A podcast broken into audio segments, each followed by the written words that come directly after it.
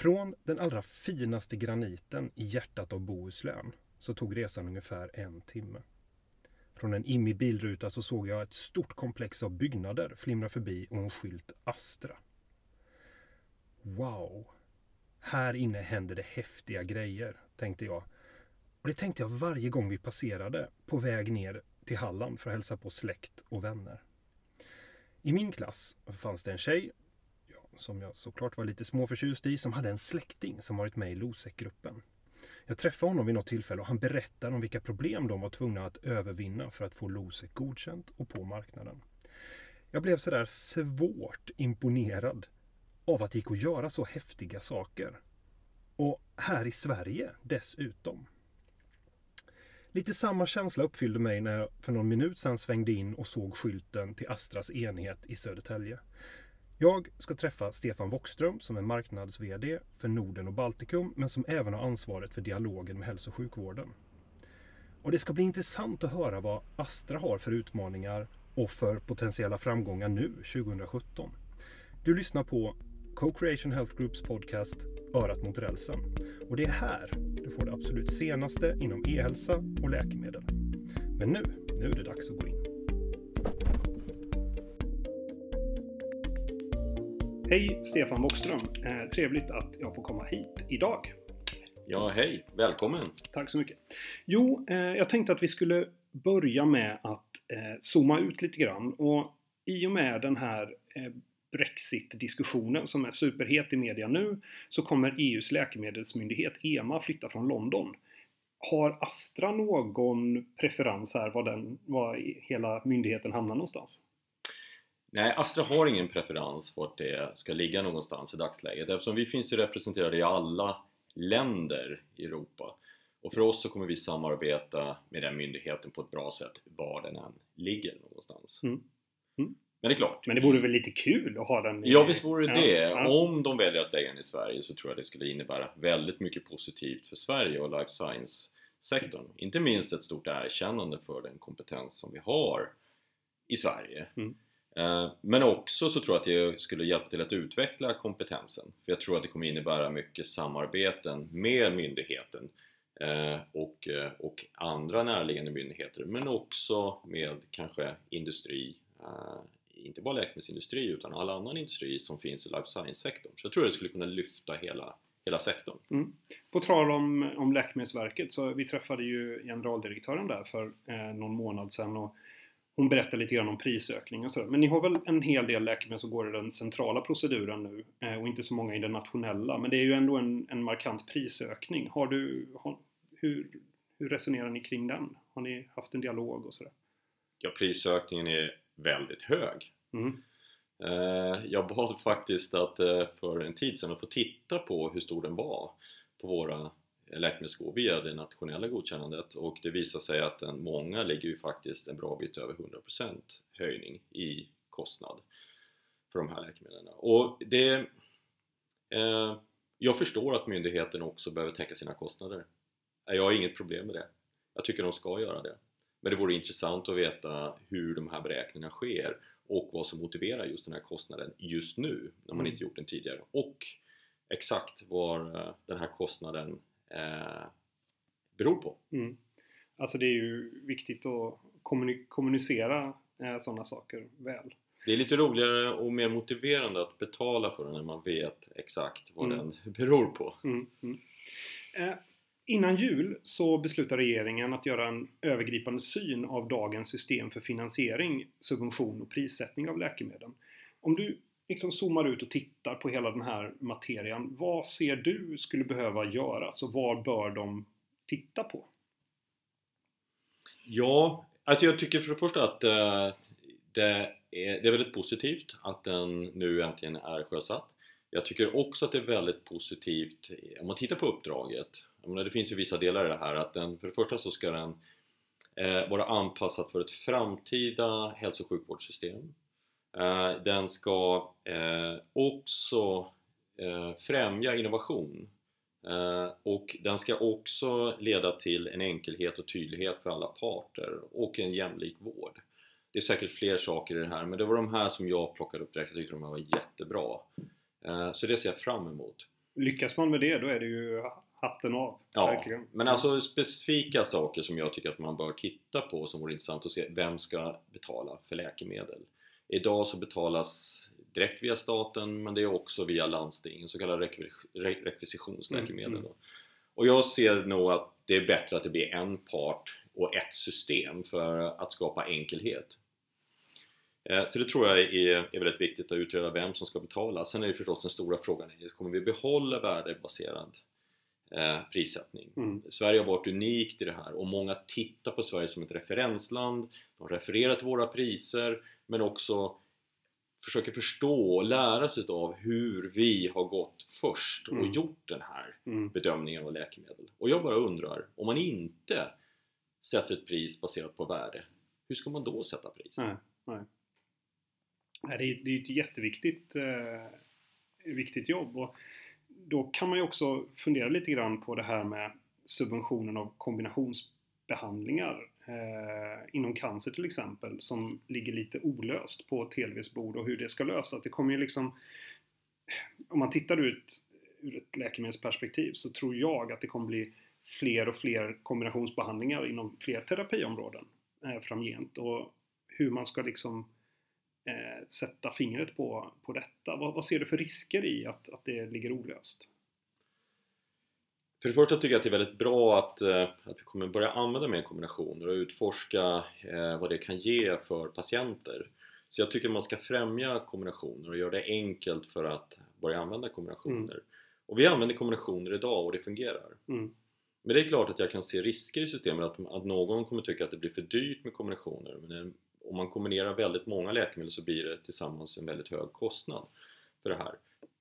Och då måste man kanske se på ett sätt att utvärdera eh, hur man ska ta betalt för kombinationer när man väl börjar kombinera dem. Mm. Och det finns väl också kombinationer där kanske de enskilda komponenterna eh, i sig båda inte till exempel är godkända utan det är bara en som är, är godkänd i monoterapi Mm. Medan de tillsammans är godkända i en kombinationsbehandling. Mm. Mm. Och hur ska man då sätta priset då för den här?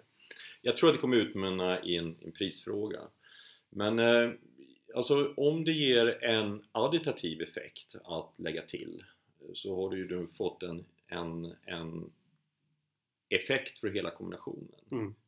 Och då kan du ju också sätta ett värde på den. Mm. Mm. Så att det, nog går det att utvärdera kombinationer och, och hur man ska ta betalt för det. Och det är väl lika bra att börja titta på den här frågan i tid Mm. eh, än att göra det för sent och då kanske forcera fram eh, en lösning som man kanske inte tycker Alltså är, det, är ju är en, bra. det är ju en komplex matris, det måste vi Mm. ju ge TLV att det, är liksom, det, det kommer eh, väldigt många läkemedel i kombination som gör att det blir eh, komplext. Men det är ju det är viktigt att hantera det också. Och sen så, sen en, en annan sak som jag har reflekterat över är ju, är ju hur det finns läkemedelskommittéer ute i landet som tar eh, och gör listor på, på vad, vad för läkemedel som är rekommenderade eh, i ett steg efter TLVs godkännanden. Mm. Och eh, det känns ju... TLV har gjort en utvärdering Mm. och där, där är det ju... Ja, det är intressant hur det kan divergera. För det kan ju vara ganska... Det är skillnader mellan listorna runt om i landet. Ja det kan det vara. Vi är ett ganska litet land för att ha 21 olika läkemedelskommittéer som ska i sig göra en till ny prövning kan man Mm. säga då på sätt och vis och se vilket vill vi använda just här. Mm. Ehm, och i- jag, jag tycker att eh, egentligen så är det ett gott syfte att man vill väl Mm. och att man vill ge det bästa för patienten. Och, Och sätta sig in i Ja, det tycker, jag, det tycker jag är bra. Men jag tycker inte att det är effektivt att man gör det i 21 olika landsting. Utan man borde kunna göra det här gemensamt. Och, eh, och att man istället då kunna använda den, de resurser, den tid man lägger ner på de här listorna och göra andra saker istället. Att kanske forska eh, och följa upp behandlingar via studier och andra saker istället. Mm. Istället för att ägna tid åt att göra en lista eh, där 20 andra landsting också gör samma lista. Mm. Och tittar man från år till år så är det ganska små förändringar på de här listorna. Det är till och med att man bara ibland publicerar förändringen från förra året och det är en Mm. ganska kort lista. Mm. Och då undrar man hur mycket tid man har lagt ner på det här. Men i, återigen, syftet är gott att man vill väl, men frågan är om man kan använda resurserna på ett bättre sätt. Mm. Och det tror jag. Jag, jag tycker den här eh, situationen med hur läkemedel upphandlas och prissätts är intressant. Och hur, hur ser du på Simsia-domen och samarbetet mellan landsting och läkemedelsbolag? Och hur kommer den se ut framåt? Går trenden mot rena rabatter eller, rabatter eller blir det mer åt pay for performance? Alltså, det är ju en, det är en, en rörlig materia det där. Mm, det är ju det. Um, jag tror att, för det första så tror jag att eh, eh, landstingen eh, vill eh, få ut mer utav det som används till läkemedel idag helt enkelt. Och det är ett gott syfte i detta. Ehm, och fast det kommer också med konsekvenser för Simsia-domen då skulle ju då innebära nu att man, att man egentligen börjar kräva någon typ av återbetalningsrabatter på läkemedel idag som redan är subventionerade. Eh, och det är så man gör, nu gör man det på nationell basis. Så man enskilda, inte enskilda landsting, de bestäms för att nu ska det ske nationellt. Eh, det viktiga här tycker jag är att man inte bestämmer sig för ett läkemedel. Jag tycker man ska ha flera läkemedel tillgängliga för patienten. Eh, därför att när det kommer många nya läkemedel idag och då ska ha någon typ av budgivning där det bara är en vinnare Mm. så innebär det att det andra läkemedlet kommer inte att användas.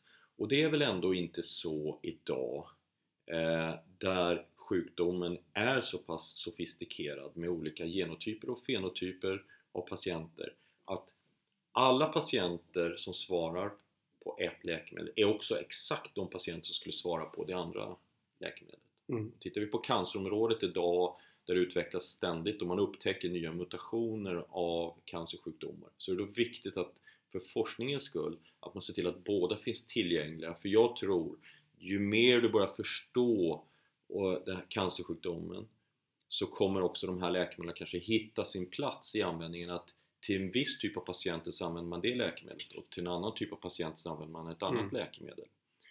Och det här är otroligt viktigt. Har Så vi ris sett. risken blir att man bara målar med en färg i paletten liksom och så. Exakt. Eh, och det är det jag vill... Eh, jag skulle önska att eh, man såg till att flera läkemedel fanns tillgängliga. Mm. För patienter, för forskningens skull. Och eh, jag tror också för enkelhetens skull för läkemedelsindustrin, alltså att det blir ett enkelt system. För nu börjar det spreta åt olika håll. Men jag förstår också att det finns en vilja och en ambition eh, från landsting att, eh, att försöka göra mer av läkemedel. Så jag tror att, av läkemedelsbudgeten. Och jag tror då här att den här eh, utredningen kommer att hjälpa det här och hoppas att vi kan enas kring ett system. Men det behövs någonting från och med nu tills den här utredningen har kommit Mm. eh, och, funnit, eh, och blivit implementerad. Ja. Nej men det är väl, eh, väl rimligt att få, få spelreglerna klara för sig. Så att man vet på vilka grunder och hur man, hur man ska jobba. Om man bedriver innovativ forskning eh, och man tycker att ens eget land är viktigt för den innovativa forskningen så tror jag att det är viktigt också att spelreglerna är väldigt tydliga. Mm. Eh, För det stimulerar ju och motiverar ju företag till att investera och forska just i det här landet. Och också att implementera läkemedel och göra sena studier i, i landet. Mm. Det görs väldigt mycket studier idag fram till att läkemedlet har blivit eh, godkänt och börjar användas. Men jag skulle vilja se att det görs mycket, mycket mer än vad det gör idag efter ett godkännande. Mm. Att man kan följa upp och förstå hur läkemedel används idag vilken effekt de har och också få signaler om kanske andra sjukdomar eller delar av sjukdomar eller utvecklingar av sjukdomar som man också kan se att det här kan användas på. Det finns ju några exempel där, eh, där man har riktigt bra beslutsstöd som också genererar data till kvalitetsregister som ger eh, real world data. Mm. Är det något som du tycker är bra? Jag tycker det är jättebra och jag tror vi bara är i begynnelsen här. Mm. Um, Real world evidence är ju någonting, ett begrepp som idag många pratar om men få egentligen uh, utforskar. Uh, på AstraZeneca har vi gjort otroligt mycket i det här. Uh, Mm. Jag tror vi är, uh, vi är bland de ledande och vi har gjort oerhört många publikationer där vi har samkört stora register idag Mm. för att se och förstå mer om våra läkemedel som vi använder. och vi har gjort de publikationerna, jag hoppas folk ska inspireras utav det. Att myndigheter eller andra som bedriver forskning ska se möjligheterna med vad vi har gjort. Mm. Och att de sen tar över stafettpinnen och driver det ett steg till. Så det ni, det här... ni var ju tidigt ute med att ha en grupp som bara jobbade med real world data och, och det, hanteringen av, av möjligheterna där inom. Ja, vi har ju det och på, vi gjorde alltså från AstraZeneca bara här i, i Norden, Baltikum som jag ansvarar för, 47 publikationer förra året. Mm. Eh, och de flesta av dem är ju med hjälp av real world evidence data. Mm. Det här är vägledande, intressanta data som jag hoppas ska inspirera andra till att fortsätta bedriva forskning. Mm. Eh, om man då får, nu rynkar jag pannan lite grann för att det finns flera rapporter som visar oroväckande trender med mindre forskning och färre kliniska prövningar i Sverige. Och man blir lite bekymrad över vår attraktionskraft, dels för prövningar men också i slutändan för access till läkemedel. Hur, hur bedömer du, Stefan, risken att något bolag kommer säga nej men vi lanserar inte i Sverige på grund av prispolitiken? Jag tror vi redan är där mm. uh, idag. Jag tror vi har ett system som inte riktigt är anpassat för introduktion av läkemedel um, i väldigt tidig fas. Eh, det vill säga att man kanske bara har fas 2-data eh, för ett läkemedel, vilket är väldigt tidig fas. Och då får man många gånger från EMA så får man ett, ett tillfälligt godkännande tills man då har eh, fått kompletterande data från fas 3-studier då ska man kunna få då ett, ett permanent mm, godkännande. Mm, mm. Men under den här tidsperioden här, när de väljer att godkänna läkemedel under en tidig fas så är det faktiskt en vilja för att snabbt få ut läkemedel till patienten. Mm. Här behöver vi subventionssystem som kan på ett bra sätt utvärdera läkemedel eh, i tidig fas och se till att de kommer ut snabbt på banan mm. eh, och kan nå patienterna. Och det här tror jag är oerhört viktigt att den processen blir bättre, att, den, att man gör den, eh, den utvärderingen eh, och sätter reglerna för den utvärderingen och gör dem transparenta i samarbete med flera parter mm. idag. Eh, för den måste accelereras. det är en ganska liten befolkningsmängd i Sverige och då måste vi vara väldigt duktiga på att attrahera eh, nya, nya läkemedel.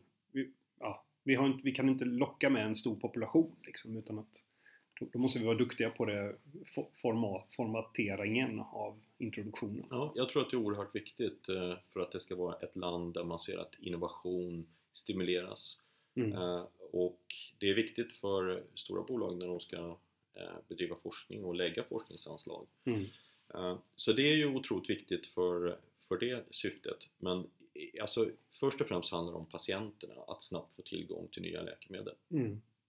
Vad, vad, vad, ser du? Vad, vad, skulle du vilja ha för praktiska, liksom, om du sätter fingret på några saker för att just få nya, eh, nya läkemedel till, till Sverige tidigt? Vad, vad, vad, i processen kan göras annorlunda?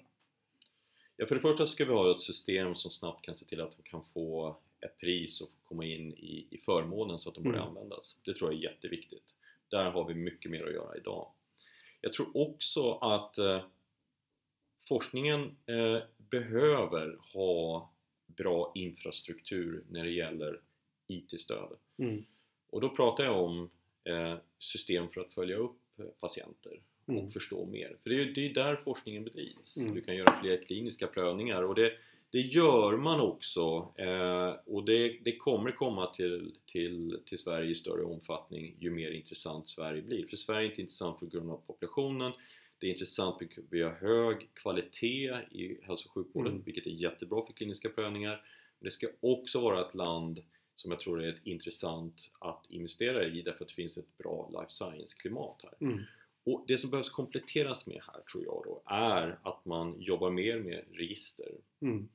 Och jag tror utvecklingen från register kommer vara också att gå till att man har eh, journalsystem som idag, all data som registreras in i journalsystem kan gå in en, i en central databas så att man därigenom snabbt kan bedriva forskning. Mm. det vore intressant. Alltså det skulle vara unikt, det skulle sätta Ja, Sverige på kartan. Alla skulle flockas här för att förstå mer hur läkemedel fungerar på Mm. patienterna. Mm. Jag förstår att det måste ändras säkert eh, vissa lagar och det behövs göras upphandlingar av sånt här system och det ska förstås köras igång. Men man måste starta någonstans. Det som är, jag har jobbat några år med just de här frågorna eh, i, Health Solutions och det som kan man ta ett nationellt grepp. Eh, vår population är, vad är det, 10 miljoner människor nu.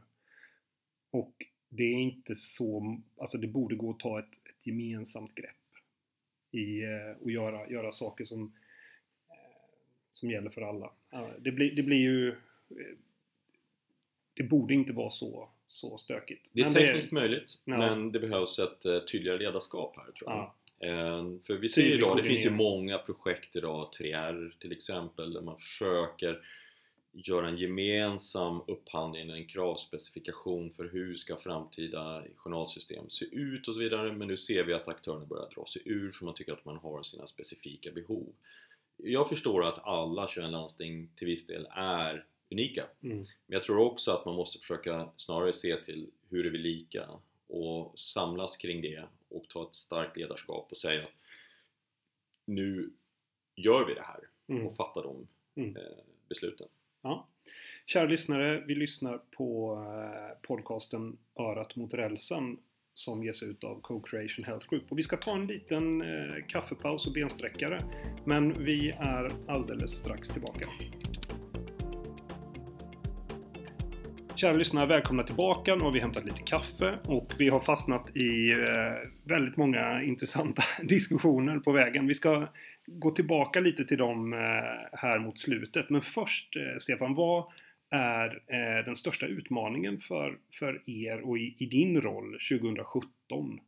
Eh, och vad är den största potentiella framgången 2017? Eh, får, man, får man välja två saker? Man får, ja, men jag, jag, jag vill ställa en öppen fråga. Du får, du får fylla på. Du får fylla på fritt vad du tycker. Ja. Eh, alltså, det handlar om patienterna först för oss och det jag ser att vi kommer med faktiskt flera banbrytande läkemedel inom flera områden som är väldigt svåra Mm. eh, sjukdomar för patienter. Och de kommer i tidig fas. Det går fort att ta fram läkemedel. Mm. Eh, och jag ser det faktiskt en stor utmaning är att utmana nu, känner jag, eh, TLV. Eh, för att se eh, om, om man kan hitta nya vägar för de här läkemedlen. Du nämnde förut Pay per performance. Jag tror, att det är, jag tror att det är en intressant väg att gå. Men är sjukvården redo för Pay per performance? Alltså man kan ju inte idag sitta och skicka Excel-listor på patienter. Den här svarade och den här svarade inte.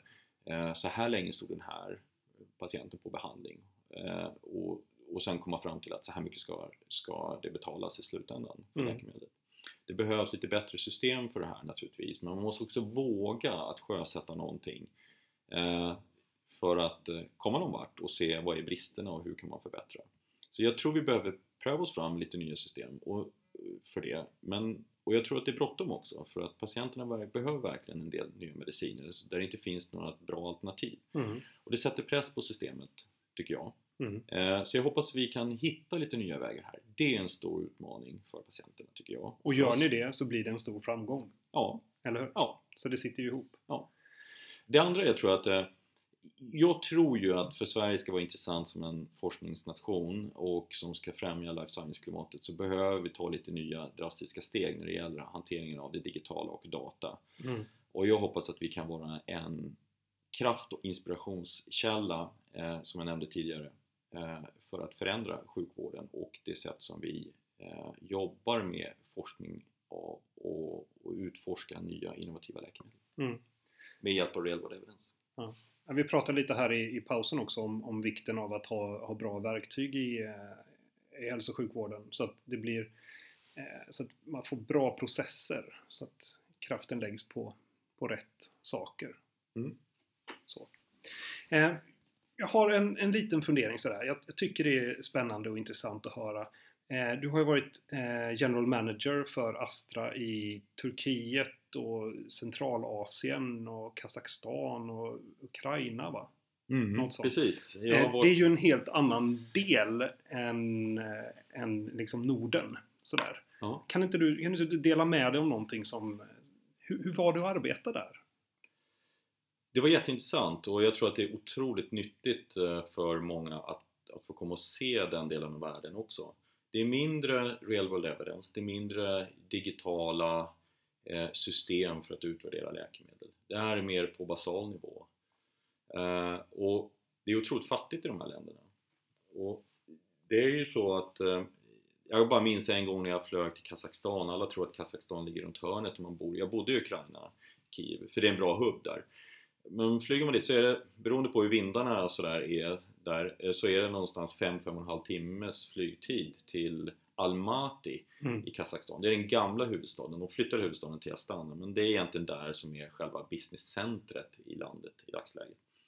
Och landar man in där eh, så är det säkert mellan på vintern sådär en 30 till 40 grader kallt. Det är otroligt kallt. På ena sidan av flygplatsen så har du ett berg på 5 500 meter och på andra sidan så har du 80 mil stepp. Mm. Ehm, så det ligger väldigt långt bort och är ett väldigt annorlunda land. Man ska veta att Kazakstan är ett av världens rikaste länder när det gäller olja och gasfyndigheter. De har en stor, enormt stor inve- investeringsfond.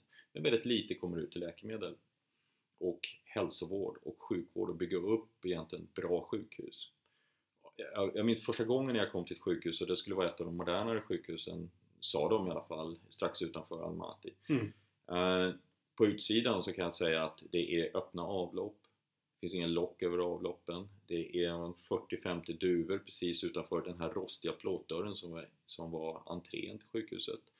Du kan ju bara in, förstå vad det innebär egentligen Ja. att man har duvor runt där folk ska gå och sen gå in på sjukhuset.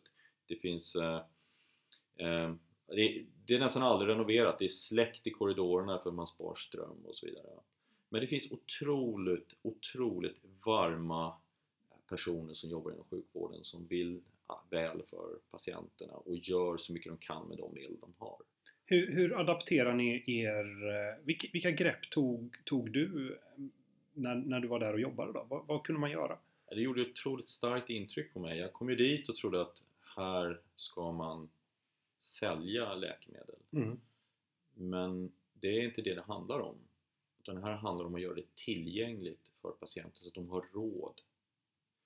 Det finns idag, jag minns jag stod och tittade på en infektionsklinik och såg en familj som, som faktiskt satt och höll en, en, eh, sin, sin pappa, eh, pappan i familjen, i handen som hade en svår infektion och läkaren sa att den här patienten behöver gå ner, febern behöver gå ner inom timmar, inte inom dagar. Mm. Så mitt första beslut var att införa program för att patienter ska få råd eh, att, att kunna köpa högkvalitativa läkemedel Mm. som kan rädda liv i det här fallet. Och det är viktigare, att se till att det fungerar än någonting annat. Den, eh, den utblicken de åren måste vara en, eh, måste ge ganska häftigt perspektiv på... Det handlar absolut om att sätta patienten först. Mm. Det är bara det som gäller. Eh, Man blir otroligt ödmjuk inför sin uppgift. Hur kan jag hjälpa? Hur kan jag bidra för att patienter ska få tillgång till läkemedel? Mm. Och höja kompetensen förstås också på, på sjukvården. Mm. Det, det är det man jobbar med. Om vi, om vi går till lite nuläge sådär. När du vaknar på morgonen. Eh, vad, vad tänker du på att men det här är mitt viktigaste uppdrag? Alltså, vad, vad tänker du liksom, det här är vad jag... Om jag lyckas med det här, då, då är jag nöjd. Det är intressant att du tar upp det, för vi hade faktiskt en eh, gemensam konferens för hela, jag ansvarar för Norden Baltikum, vi Mm. samlades alla här bara för några veckor sedan på vår forskningssajt i Göteborg Mm. för att förstå eh, vad är det vi gör med forskningen och vad, vad ligger i pipeline och hur Mm. långt fram ligger vi? Och bli lite inspirerad. Så när man åker till jobbet en kanske regnig, blåsig, eh, grå dag, vad är det som motiverar en där egentligen? Mm. Och jag vill att folk, att personalen i, i, i, eh, i teamet här ska känna inspiration av vad forskningen kan tillföra patienterna. Och för mig så finns det ett väldigt starkt intryck. Jag, vi, hade, vi mötte några patienter från lungcancer föreningen Stödet som var och pratade om sin sjukdom för ledningsgruppen i AstraZeneca för att vi ska förstå lite mer deras vardag. Och jag minns bara de avslutande orden, det var att jag litar på att ni gör allt vad ni kan för att ta fram nya läkemedel så snabbt som möjligt för det är ni som håller mig vid liv. Mm. Och det här var en person som precis nyligen eh, har börjat bilda familj eh, och har en väldigt svår cancersjukdom, lungcancersjukdom. Eh, och, och det inspirerar en och då förstår man att det här är ju viktigt, det här måste gå fort. Vad kan jag göra mer? Det inspirerar mig när jag åker till jobbet. Och det får mig att springa in och träffa kollegorna snabbt och se ja. vad kan vi göra mer? Ja. Faktiskt det är så. Alltså det är ju, om man, alla stora ledare, när jag träffade Fred Hassan för några år sedan, han sa också det att jag är nöjd om jag känner att alla mina kollegor är motiverade, stimulerade och tycker det är kul att gå till jobbet. Det är, det, det är väldigt viktigt för mig. Och du gav ju lite samma svar, så det är du och Fred Hassan helt enkelt. Eh, och jag vill tacka så mycket för att eh, vi kunde ses här idag. Och det är ju lite roligt också att eh, podcasten började ju i Göteborg i Mölndal och eh, vi avslutade i Göteborg i Mölndal också. Så det är faktiskt alldeles utmärkt. Och är det så att ni har några frågor eller funderingar så är det bara att ni hör av er till Co-Creation Health Group. Om ni också vill önska nästa gäst så är ni varmt välkomna att göra det. Eh, och så får ni ha det alldeles utmärkt. Ska vi träffa VGRs eh, hälso och sjukvårdsdirektör här om två, tre dagar då blir det intressant. Det blir en Göteborgskoppling till. Eh, men fram till dess får ni ha det så bra. Tack så mycket. Hej då! Hej då! Tack så du för idag. Denna podcast är gjord av Co-Creation Health Group. En konsultgrupp inom management, e-hälsa och läkemedel.